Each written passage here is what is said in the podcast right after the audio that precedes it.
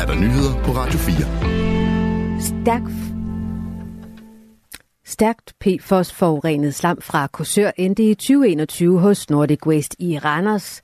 Få måneder senere var de mange tons jord gjort til ren jord ifølge en prøve, som Nordic Waste selv udtog og sendte til myndighederne. Men det undrer både eksperter og tidligere samarbejdspartnere til Nordic Waste. For på det her tidspunkt havde Miljøstyrelsen ikke kendskab til, at nogle virksomheder i Danmark kunne fjerne PFOS fra jord. Det kan vi fortælle her på Radio 4. Oplysningen chokerer Rosa Lykke Yde, byrådsmedlem for SF i Randers. Mine alarmklokker bimler og bamler. Jeg tør ikke at sætte to streger under og konkludere noget. Men jeg bliver nødt til at sige, at med de ting, I har gravet frem i den her sag, så er der meget, der tyder på, at der er noget helt galt. Hun vil nu have klarlagt, hvad der er sket med den PFOS-forurenede jord. Vi er simpelthen nødt til at finde ud af, hvor pokker er det her blevet af. Det er jo et såkaldt evighedskemikalie. Det er jo ikke noget, der bare forsvinder af sig selv. Interne mails viser, at Nordic Waste har smidt de 22 tons PFOS forurenet jord ned i jordtippen ved den tidligere lærgrav hos Nordic Waste. Nordic Waste har ikke ønsket at kommentere de her oplysninger. De tidligere elever på Gravens Hoved Kostskole, der i flere år blev udsat for blandt andet vold og seksuelle krænkelser, sagde ikke ud til at kunne få erstatning af Aalborg Kommune. Det skriver TV2 Nord. Kammeradvokaten, der er kommunens advokat i sagen, har nemlig ikke fundet hjemmel til at give erstatning til eleverne. Ifølge Nordjyske skyldes det, at der ifølge kammeradvokaten ikke er bevis for brud på menneskerettigheder, som var et af argumenterne for erstatning. Sidste år gav byrådet i Aalborg de mishandlede elever en uforbeholden undskyldning. Køges borgmester Marie Stærke kalder sagen om grænseoverskridende adfærd på Borup skole for tragisk. Og hun peger på, at noget tyder på, at dele af sagerne kunne have været håndteret bedre. Noget tyder på, at en del af opfølgningen på sagerne, som forvaltning og ledelse kender til, kunne være håndteret bedre over for resten af forældregruppen og øvrige elever, skriver hun i et opslag på sin Facebook-side.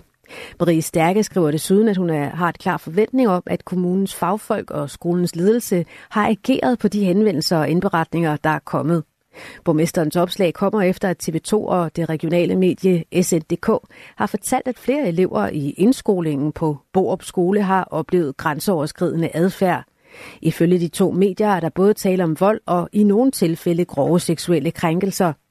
SNDK har citeret en besked på platformen Aula fra skolens leder Jakob Dalgas, hvor det fremgår, at der ifølge skolen er 3-6 børn involveret, som er i alderen 6-9 år. Det norske politis efterretningstjeneste PST har i de seneste år afsløret over 10 børn i alderen 12-15 år, der planlagde terrorangreb i Norge. Det oplyser den fungerende direktør i PST's antiterrorafdeling, Linn Havnelid, til den norske avis Dagbladet. Den yngste, vi har afsløret, var en norsk dreng på 12 år med højere ekstremistisk tankegods, siger hun. Typisk er børnene blevet radikaliseret på internettet, forklarer hun. Statsminister Mette Frederiksen var tidligere i dag med, da første spadestik blev taget til en ny ammunitionsfabrik i Tyskland.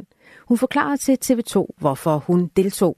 Det er af to årsager. Øh, for det første, fordi vi har behov for at virkelig at få styrket den europæiske våbenproduktion øh, og kapaciteterne i det hele taget. Og det har vi behov for af hensyn til Ukraine, som har behov for hjælp, ikke mindst ammunition her nu, men også af hensyn til vores egen sikkerhed, fordi der ikke er noget, der tyder på, at truslen fra Rusland bliver mindre. Men også forholdet til Tyskland var medvirkende årsag til statsministerens besøg.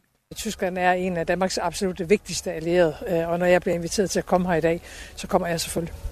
Siger Mette Frederiksen til TV2. Ammunitionsfabriksanlægget ligger ved byen Unterlys mellem Hamburg og Hannover. Danmark, Tyskland og resten af Europa arbejder på at øge produktionen af ammunition, blandt andet for at kunne levere det til Ukraine. Finlands nyvalgte præsident Alexander Stubb opfordrer sine landsmænd til at forholde sig roligt. Det sker efter Donald Trumps kommentar om, at han som præsident ikke vil forsvare et NATO-land, som ikke betaler sit kontingent til alliancen. Det skriver Ritzau. Den finske præsident peger på, at retorikken i den amerikanske valgkamp er meget anderledes end ved finske valg, og det derfor er bedst at fokusere på at opbygge Finlands NATO-medlemskab. I aften og i nat temperaturer mellem 2 graders frost og 4 graders varme. Det var nyhederne her på Radio 4 med Angela Brink.